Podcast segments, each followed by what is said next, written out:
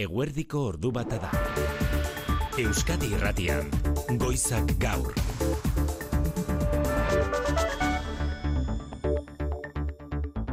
Arratxaldeon guztioi, Espainiako Gabonetako loterian zozketa berantiarrenetako aurtengoa, zozketa amaitzeko minutuak baino falta ez direnean, oraindik ez baitute banatu ez sari nagusia, ez da bigarren saria ere, markakoa da gaurkoa. Emozio, Manuel de la Varga. bai, emozio handiko zozketa antza, esan duzu, sari potoloa bukaerarako eta bigarrena ere falta dela, historiako sari potolo berantiarrena da, eta emozio gehigarri hainigo, loteria ontzi handia tarteka trabatu egiten dela eta duela minutu gutxi ikusi dugu nola biurkin batekin torlojuak ere estutu behar eh, izan dizkioten eh, ikusiko dugu. Zozketa bukatzeko gai eh, izango ote diren. Euskal Herrian eh, esango dugu bost milioi euro utzi dituela bosgarren sari batek ledesmakalean Bilbon eta beste bosgarren sari batek bederatzireun mila euro getxoko bulego batean. Beste bosgarren sari dagozkien dezimo solte ugari ere saldu dira. Zumarragan, Sestaon, Tuteran, Kordobian, Donostian, Irunen, Azkoitian edota Gasteizen. Orain beraz ez da bat ere errentagarri atera, Gabonetako loteria ego Euskal Herrian, gaztetutako berreun da amaika milioi eurotatik, ba, Imanolek esan digunaren arabera, zazpi milioi euro eskas, baino ez itira itzuli bueltan, orain goz, emango dizuegu albistegi honetan, ea, emateko modurik badugun, lehen sariaren eta bigarren sariaren zemakiaren berri. Madrilen bestela ordu eta erdi inguru iraundu Pedro Sánchez Espainiako gobernuko presidenteak eta Alberto Núñez Feijo PPko buruak Moncloan ez, baina Espainiako kongresuan egin duten bilerak. Bi aldeek edabideen aurrean datozen minutuotan esango dutenaren zain gara popularren iturriek aurreratu dutena da Feijok eskari zehatza egin asmoziola bilera horretan Sánchezi. Gaur bertan diezaion Sánchez presidenteak UPNeko Javier Esparza presidenteari Iruñeko zentsura mozioa nola geldiarazi erabakitzeko. Halakorik egiten ezpadu Sánchezek popularrek aurreratu dute goitik behera aurreratuko aur, goitik behera aldatuko dira aurrerantzean sozialistekiko harremanak. Aurrera begira in ere Maria Txibite Nafarroako lehendakariaren desioa. Que este 2024 llegue con menos ruido con menos decibelios y con más compromiso. Zarataren gainetik, datorren urtean gailendu daitezela errespetua eta elkarrezketa. Berehala aktualitate politikoaren berri Madrildik, baita iruñetik ere, eta gazteiztik ere bai, gotzal korta Arratxaldeon. Arratxaldeon inigo. Eusko Legebiltzarrak onartu berri baititu, 2000 eta hogeita lauko aurrekontuak, jaurlaritzarenak, amabos mila milioi euroko aurrekontua, aurten baino, euneko bos gehiago da hori, jeltzalen eta sozialisten aldeko botoa izan dute diru kontuek. Aurrekontuena dira gobernu bazkidentzat, gizarte babesa eta ekonomia sustapena bermatzeko aldiz oposizioak negoziatzeko borondate falta leporatu dio jaularitzari alaitz zabala EAJ leirepen edo EH Bildu. Badakizu aurrekontuak onak direla eta badakizue aurrera aterako direla zuen aldeko edo kontrako boskekin. Aurrekontu proiektu honek ez du egoerak eskatzen duen neurria ematen.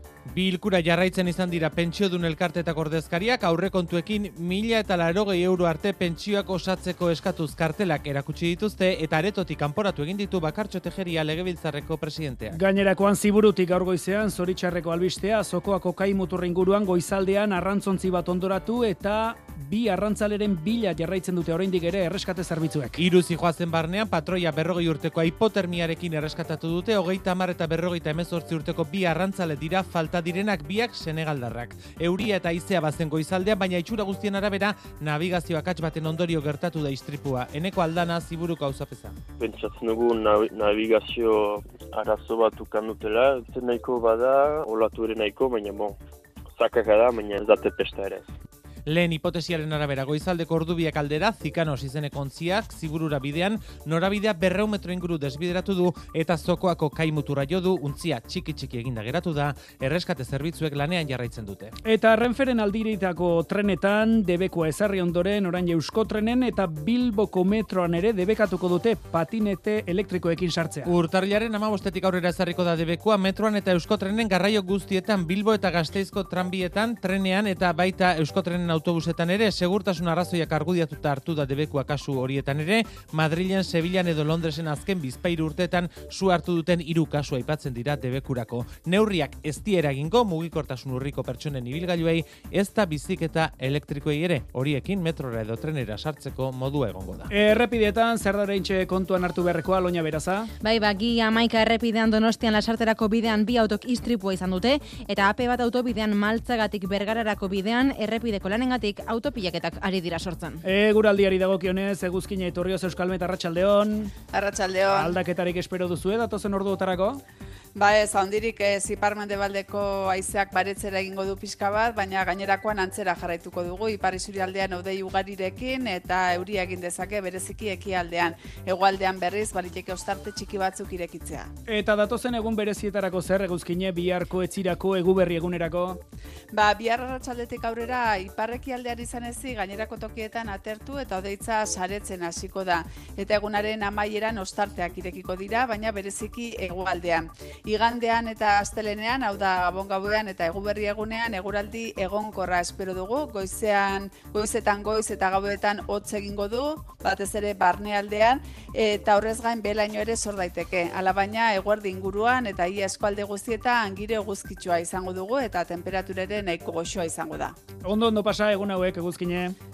Berdin ondo izan. Kiroletan, arritxiru arratsaldeon. Baita zuri ere. Emaitza eskaxa azken orduotan Euskal Taldeek futbolean ekarri digutena. Bai, urteko azken liga jardunaldian, lehen eta bigarren mailako gure taldetatik atletikek bakarrik irabazi du realak atzo, utx eta utx berdindu zuen, osasunak eta alabesek galdu egin zuten eta bigarren mailan Eibarrek eren egun berdindu baldin bazuen, atzo amore bietak galdu egin zuen. Gaur, saskibaloian Euroligako partidua du Baskoniak eta liderra dator Lep Ligan Donostiara. Eskubaloian munduko txapelketaren etenaren ondoren gaur itzuliko da emakumen liga, Granollersen jokatuko du liderrak, beraberak, eta betionakek berriz guardesen aurka Pontebedran.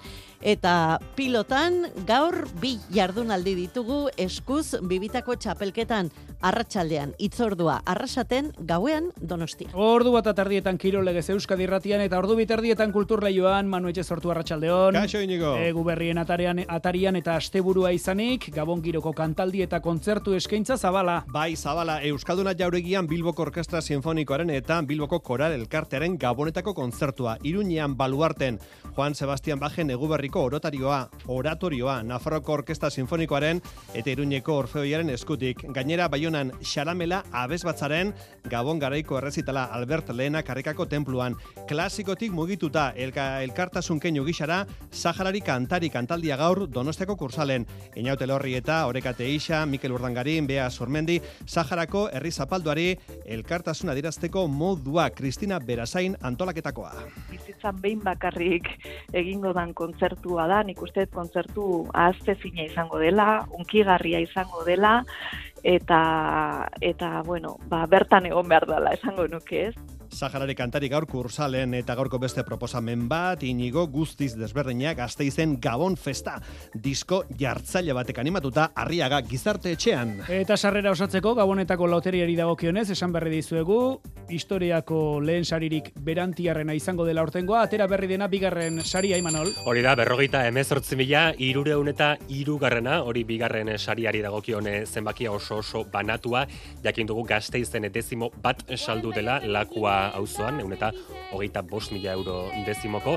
Eta esan duzu, bitxikeria eta emozioa, sari nagusien artetik, ba, potoloa dela, ateratzeko falta den bakarra, azkena, historiako sari potolorik eh, berantiarrena motel, oso motel doan eh, zozketa, lau ordutik gora. Abenduak hogeita bigarrena du gaurkoa, teknikan eta errealizazioan Mikel Retegi eta Xabira Ola ordu bata eta ia bederatzi minutu. Euskadi Irratian, Goizak Gaur.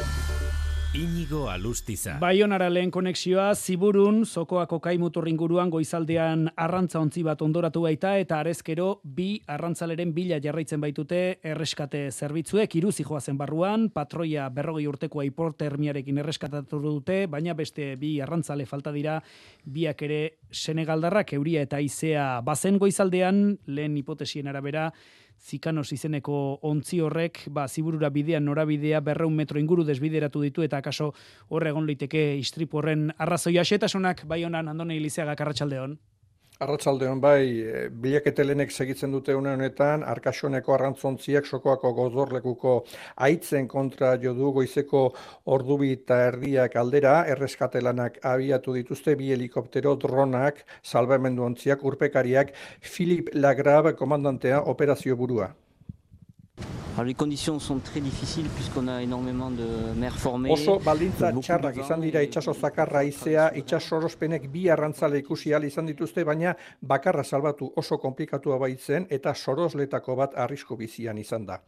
Eneko aldana auzapeza ziburuko auzapeza operazioa gertu gertutik segitu du goizean goizetik. Lortu dute eh, barkuko patroia uh, uretik ateratzen, uh, bigarren bat kasik atera dute, baina gero galdu dute. Ba, esperantza mugitza dela ez bada nuloa egerrateko, zintzua izaiteko. Patroia berrogei urtekoa, ospitalean beraz, beste biak, hogeita mar eta berrogeita emezortzi urtekoak, Senegalen sortuak biak, horien bila segitzen dute beti. Arkasoneko ontziek ziburun usten dituzte, usaian, arrantzututakoak, zergatien inguruan, oraino goizdela errandigute, motor edo navigazio arazoren bat izan zitekela ipatu dute, Baionako polizia judizialaren esku ikerketa. Horixe ba, Baionatik gaur eh, albistea, gainerakoan Madrilen dugu berriena, ordutardiko bilera amaitu dutela, Espainiako Kongresuan, Pedro Sánchez, gobernoko presidenteak, eta Alberto Núñez Feijo, PPko buruak, bi aldeak erabat urrun eta liskartuta daudela, iritsi da bilera Iruñeko udaleko zentsura mozioan atzera egiteko eskaria jarria du lehentasun gisa PPek harremanak bideratzen hasteko. Hori, Feijok amnistia legearekin batera bilerara eraman duen gai nagusietakoa, Sánchez idagokionez, akordioa bilatu asmo zuen Feijorekin besteak beste Espainiako botere judizialeko kontseilu nagusia berritzeko formulen inguruan, datozen minutuotan aterako dira edabideen aurrean, bai Feijo bera, baita Pilar Alegria ere, Espainiako gobernuaren alderri sozialistaren izenean, azken ordua Madrilen ere asarrigik arratsaldeon.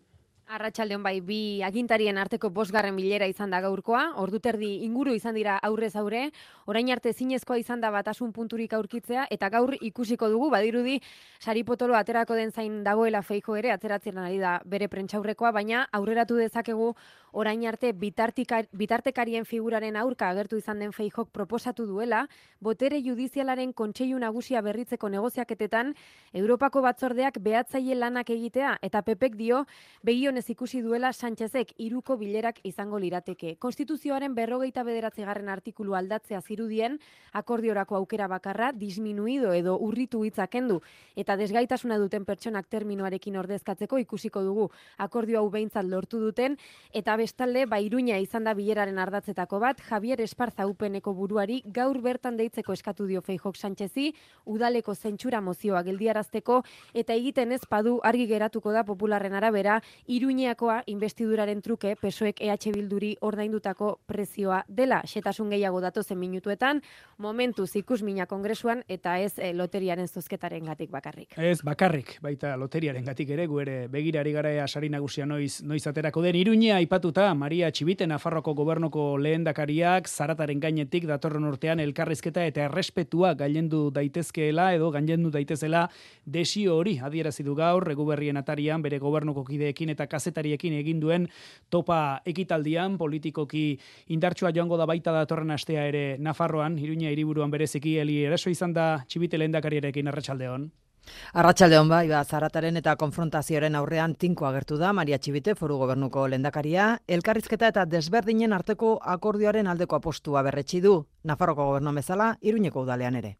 Porque el diálogo está siendo, como ya lo fue en la anterior legislatura, la principal herramienta de trabajo. Y nuestro papel es dar respuesta a la estrategiatza hartu duten horiei mezua ba herritarren kalterakoa direla esan die. Aizu zen datorren urteko aurrekontuak Euskal Herria bildurekin negoziatzen hasi da gaur Txibiteren gobernua sintoria honean akordiorako borondatea adierazi dute bialdeek Laura Aznal EH Bilduren parlamentuko eledunaren hitzak dira. Berriro ere izango gara protagonistak eta guk uste dugu epe ertainarako prestatu behar ditugula gure e, proposamen guztiak eta adostu, eh, adostuko ditugun konpromisoak legegintzaldi osorako izan, izan beharko direla. UPN kaldi, zuko egin dio, gobernuak aurrekontuak negoziatzeko egin dion gonbitari, eta testu inguru honetan, txibitek datorren urteari, begira, eskaera, errespetua gailendu dadila.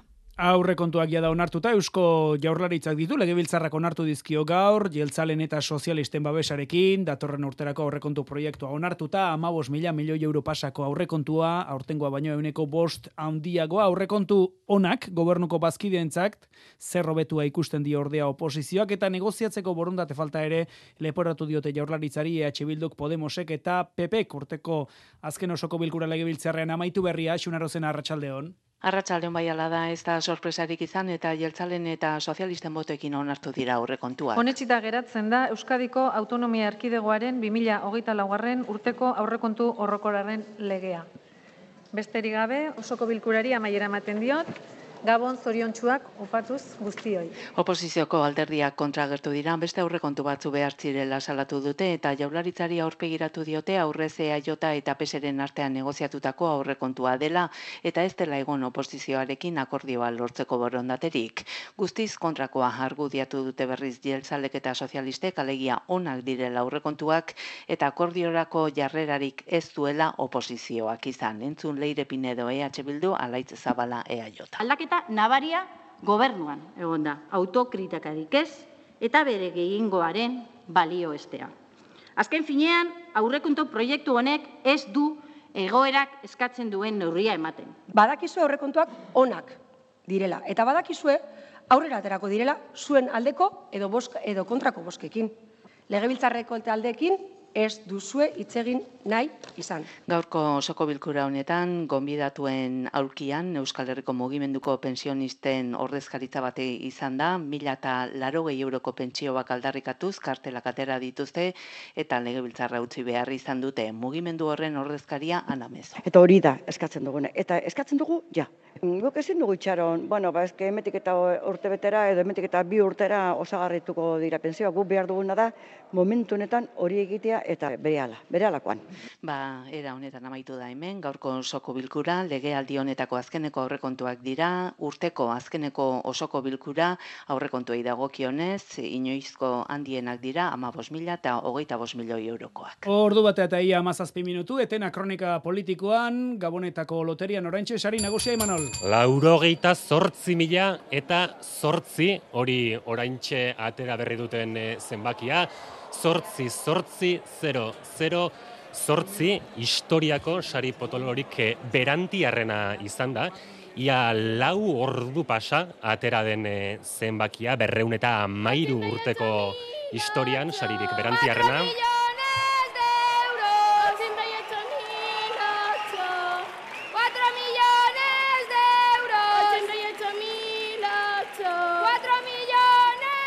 Saririk berantiarrena eta zenbakia ere oso oso berezi, eh, Manol? Zortzi, zortzi, 0-0, zortzi berala jakingo dugu, non eh, egokitu den eh, saria, ikusten ditugu, umeak e, unkituta, negarrez ere bai, eta une honetan e, Madrilgo errege antzokiko publikoa zutik, e, bazuten eta gogoa, sari potoloa entzuteko gogoa, esan dakoa, ia lau ordu eta mar minutu igarota atera dena, eta ontzi txikian, ba, apenas e, hogei e, bolatxo falta, falta direnean. Ikusiko dugu ba, sari nagusiaren e, zatiren bat behintzat, Euskal Herrera iristen ote den, orain goz, eta goizak utzi duen ari dagokionez, Bilboko ledez Ledesma kalean, erori da bosgarren sarietako bat ia osorik, bos milioi eta lareun mila euro bertan, Euskal Herrian gaur, orain gozbeintzat, sorterik handiena izan duen lekua da hori, bertan janire gerena barrena, Arratxaldeon.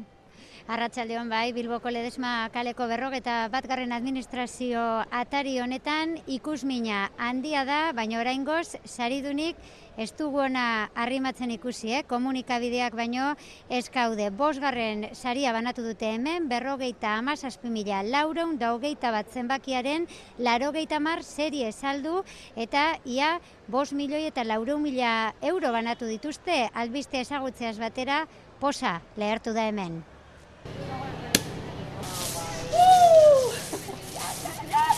Maribel Petxarroman administrazioko arduradunak esan dugun bezala, posik hitz egin digu. Un año más, sí, el año pasado el segundo y, pero el, el, año pasado era muy feo. Este año por fin Esta ba, banatzen duen lehen e, saria, iaz e, entzun duzue bigarren sari bat, eta 2018an sari potoloa banatu zituen hemen. Bilbon bezala getxon ere badute gaur zer ospatua, bosgarren sari bat banatu du bertako zeigarren administrazioak, mila bosteun da irurogeita sortzi zenbakiak bederatzireun mila euro utzi ditu herrian, amesti auto tailerreko amaboste langileak daude saridunen artean. Pues muy contenta. Yo como trabajé en la Renault, pues una compañera que ahora trabaja ella aquí siempre me coge un décimo.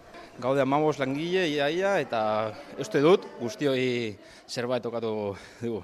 Etorri zaigu jefea eta notiziarekin. Bueno, ez ja lanean ez dugu ingo gehiago, txapatu dugu guztia.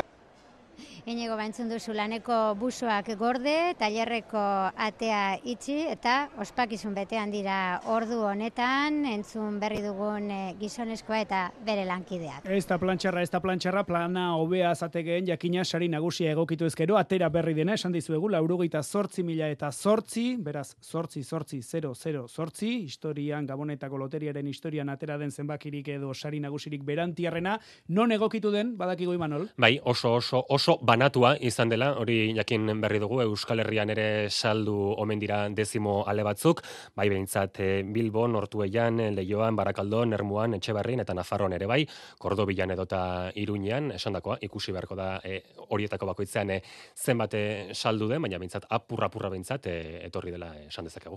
Ba, ikusiko dugu, ez dirudi, egia esan, sari horrek, sari potolo, sari nagusi horrek dezimo batzuk besteik ezpaditu utziego Euskal Herrian, ezingo dugu esan, oso errentagarri atera denei gaurten gabonetako loteria go Euskal Herrian, berreunda amaika milioi euro gastatu dituzte go Euskal Herrian herritarrek, zazpi milioi euro eskas etorriko dira bueltan, ikusiko dugu zazpi milioi euro horiei sari nagusitik, sari potolotik beste zenbat erantzi behartzaizkio. Nordu bat eta hogeita bat minutu.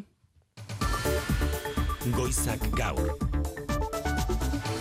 Gainerako albiste nagusietara etorrita Confebask Euskadiko patronalak datorren urterako euneko bat komaseiko azkunde aurrikuspenaren berri eman du gaur, ortengoaren pareko alitzateke hori, hori bai, urte hasiera nahiko aula aurrikusi du eta enplegu sorrera ere motela izango delakoan da, baina egungo tasei eutxita. Bestalde, Euskal Enpresa Buruen elkartea oso kritikoa azaldu da enpresen deslokalizazioaren aurka. Legebiltzarrak atzo onartu zuen araudiarekin, horrek inbertsoreak usatu ditzakeela iritzi eta urtzi gartziak jarraitu du konfebasken prensaurrea Bilbon urtzi arratsaldeon. Arratsaldeon bai, enpresen deslokalizazioa seiesteko azken 10 urteetan jasotako diru laguntzak itzultzeko EH Bilduren lege proposamena tramitera onartu izena ez du gustoko Euskadiko enpresen elkarteak. Mm, el mundo hoy en día está en una carrera por atraer eh, nuevos proyectos. Mundua inbertsioak erakartzen saiatzen den bitartean deslokalizazioen aurkako legea kontrako norazko antoala uste dut amara jaue konfazkeko presidenteak eta lau eguneko lanastea sartzeko adegik jaurraritzako lansailarekin eta sindikatuekin adostutako plan pilotoari dagokionez ere konfebaskek aitortu du erabaki horrek ezin egona eraginduela Bizkaia eta Arabako enpresarien elkarteetan. No voy a ocultar que que ha habido un malestar dentro de la organización. Proiektuari buruzko informazio lerazteko unean eta proiektuaren beraren irismenari buruzko komunikazioan dago ezin egon horren iturburua. Ostantzean, 2000 eta hoita laurako, ba euneko bat komaseiko azkunde ekonomiko horreko zude Euskadiko enpresen elkarteak, hau da, 2000 eta hogeita irukoaren pareko enpresarin kezka iturri nagusiak, lehen gai enpresio egoera, langile kualifikatuak aurkitzeko zeiltasunak eta finantzaketaren garestitzea dira, eta lan gatazki daokinez, baikor konfebazk aurreko urtetan ezpezala, aurten elkarrizketarako joera handia handiago atzeman sindikatuen aldetik. Bizkaiko foru aldundiak bestalde, kamioi astunentzako errepideetako tarifak izoztu egingo ditu datorren urtean, garraiolariek ez dute, diru gehiago ordaindu behar izango, eta eutxi egingo zaie beraz, errepide bat baino gehiago erabiltzeagatik indarrean dauden beherapenei bestalde datorren urteko uder arte, ez tira martxan izango txori herrin eta ape sortzian, garraiolarientzako jarri dituzten arkuak, Marijo de Ograzias, Arratxaldeon. Arratxaldeon, bai, biko malau milioi euro aurreztu omen ditu kamioi astunen sektoreak aurten eta asmo horrekin ere inflazioa intzatartuta dagoeneko martxan diren tarifetan ez da aldaketarik egongo datorren urtean. 2008an, iru milioi terdi euro baino gehiago itzuli dizkiegu lurraldeko ordainpeko errepideak erabili hoi dituzten bederatzi mila sortzireun da irorgeita mar bat garraiolariri, eta 2008 lauean beherapenei eustea ez gain tarifa guztiak izostuko ingo ditu. Imanol Pradales azpiegitura eta lurralde garapenerako diputatuak azaldu du maiztasuna eta errepide bat baino gehiago erabiltzeagatik onuradun gehienak superzur eta AP irurogeita sortzi autobidea kombinatzen dutenak direla. Ia 2000 eta lareun garraiolari. Eta zenbakia hasi egingo da batez ere txori herrin eta azortzean mastenterreta eta rontegi bitartean ezarriko diren arkoi esker. Hiru kamioitik batek lagako dio errepide horiek erabiltzeari superzurraren alde, azkarragoa eta merkeagoa izango delako. Hogeita sei arku berriak jarrita daude, baina martxan jarri arte uda izango dela adierazi du. Bestalde, garraio enpresei zuzendutako laguntza programa berritu du aldundiak, milioi bat eta erdi euro bideratuko ditu sektorearen segurtasuna, lehiakortasuna, digitalizazioa eta jasangarritasuna hobetzeko gehienez, hogei mila euro eskatzaileko eta lau mila ibilgailuko. Bizkaian, bos mila enpresa eta autonomo inguruko osatzen dute sektorea eta aurten, ia bosteun eskatzelek jaso ditu laguntzak. Ordu bata eta hogeita bost minutu nazio artean Txekiar Republikan dolu eguna dute gaurkoa. Pragako unibertsitatean, gazte batek amalau pertsonaile eta biaramunean, oraindik ere samina da nagusi, poliziak inguratuta zuela ikusirik bere buru azbeste egin zuen erasotzaileak eta poliziak ikerketaren esparrua zabaldu du.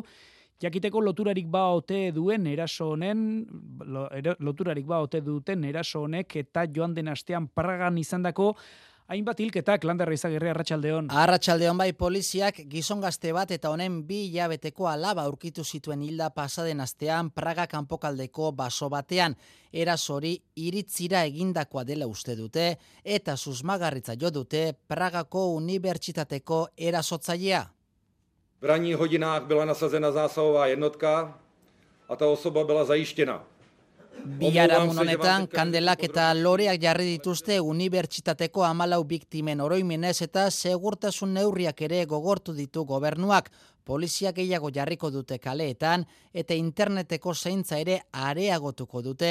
Sare sozialetan perfil arriskutsua izan dezaketen pertsonak identifikatzeko. Gogoratu erasotzaileak bere buruaz beste egin zuela poliziak inguratuta zuela ikusitakoan baina unibertsitatera joan aurretik bere aita hil izanaren susmagarri ere bada. Guztira amasei dira beraz inigo hildakoak basoan agertutako bi gorpu horiek kontatu gabe. Hori Europan, gazan bitartean Israelgo armadak ia laureun palestina ditu azken bi egunetan bertako osasunak arabera, sueten alortzeko aleginak izan dira azken egunotan, baina ez dute inulako fruiturik eman, gerrak beraz aurre jarraitzen du eta gazako borroketan general bat hildute milizia palestinarrek orain arte hilduten kargurik altuena litzateke hori.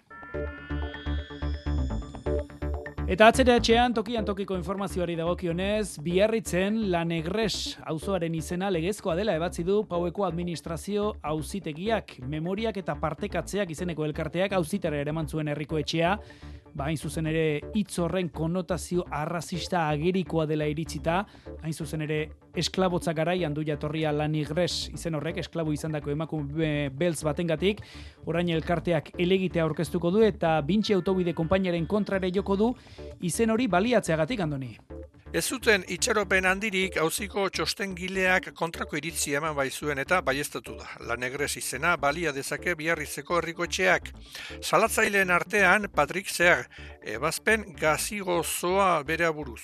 Le juge a considéré que l'appellation de la négresse était un terme péjoratif. Epaileak onartu du hitz gutxi esgarria dela eta hori marka ona da. Gero gaineratu du hala ere ez dela arrazista. Berak ulertuko du nik ez, baina urratz bat bezala ikusi nahi dut, hau ezpaita amaitu. Hain zuzen bordeleko auzitegian izanen da elegitearen epaiketa eta gainera banzi autobidetako kudeatzailere auzitara eramanen dute motibo bertsuen gatik izen hori baitu biarritzeko ordeinlekuak. Emeretzi garren mendean ostatu bat zuen emakume beltz bat zegoenan, esklaboia eta hortik izen hori. Elkarteak euskerazko ara usta izena baliatzea proposatzen du hori baitzen leku horrena lehen. Eta albistegi amaitu aurretik, Gabonetako loteriaren zozketa amaitu berri dela esango dizuegu. Historia egin duen zozketa, inoizko berantiarrena, izan baita ortengo sari nagusia. Imanol oso banatua esan dugu, beraz, pentsatzeko da, sari nagusiaren iristekotan ale gutxi batzuk baino, ez zirela iritsiko dugu Euskal Herrira. Hori da, azteko e, zenbakia gogoraraziko dugu, laurogita zortzi mila eta zortzi garrena, zortzi, zortzi, zero, zero, zortzi garrena, eta hoxe, bolatxori atera duten unea, 88.008. ¡4 millones!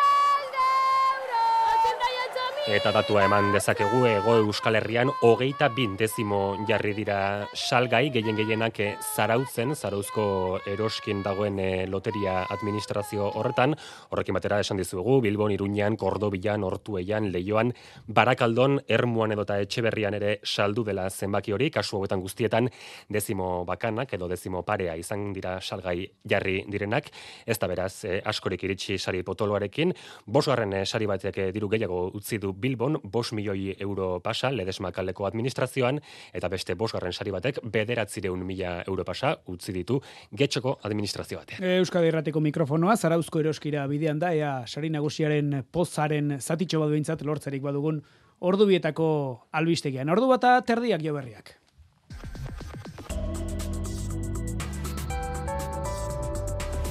Euskadi Irratian eguraldia eta trafikoa. Errepidetan kontuan hartu beharreko puntu ugari oraintxea mendiburu. Bizkaia sei iru bat errepidean derion, aereporturako irteran bilborantz, autobatek istripo izan du, adipuntu horretan, ape sortzian orion bilborantz, auto bat bidetik atera da, esker erreian traba egiten du, ape sortzian getarian, bilborako norabidean matxuratutako karabana ere bidean dago traba egiten, eta herrilanak tarteko trafiko motela puntu askotan. NSIBB errepidean gazteizen ape batekin lotura den puntuan, burgoserako norabidean, A bostean, andoainen, iruñerako norantzkoan ere bai, eta bergaran ape batean gazteiz, gazteizerako norabidean. Tira ba, luzea beraz, trafikoan orentxe ditugun eh, eragozpenen eh, zerrenda, eguraldiari dagokionez, hause Euskalmetek datozen egunotarako egin digun iragarpena. Arratsaldeon datozen egunei dagokienez bihar arratsaldetik aurrera iparreki aldean izan ezi gainerako tokietan atertu eta deitza saretzen hasiko da. Egunaren amaieran ostarteak irekiko dira, baina bereziki hegoaldean. Eta igandean eta astelenean eguraldi egonkorra oso. Goizean goiz eta gauetan hotz egingo du, ala baina eguerdi inguruan giro eguzkitzoa nagusituko da eta temperatura nahiko goxoa izango da.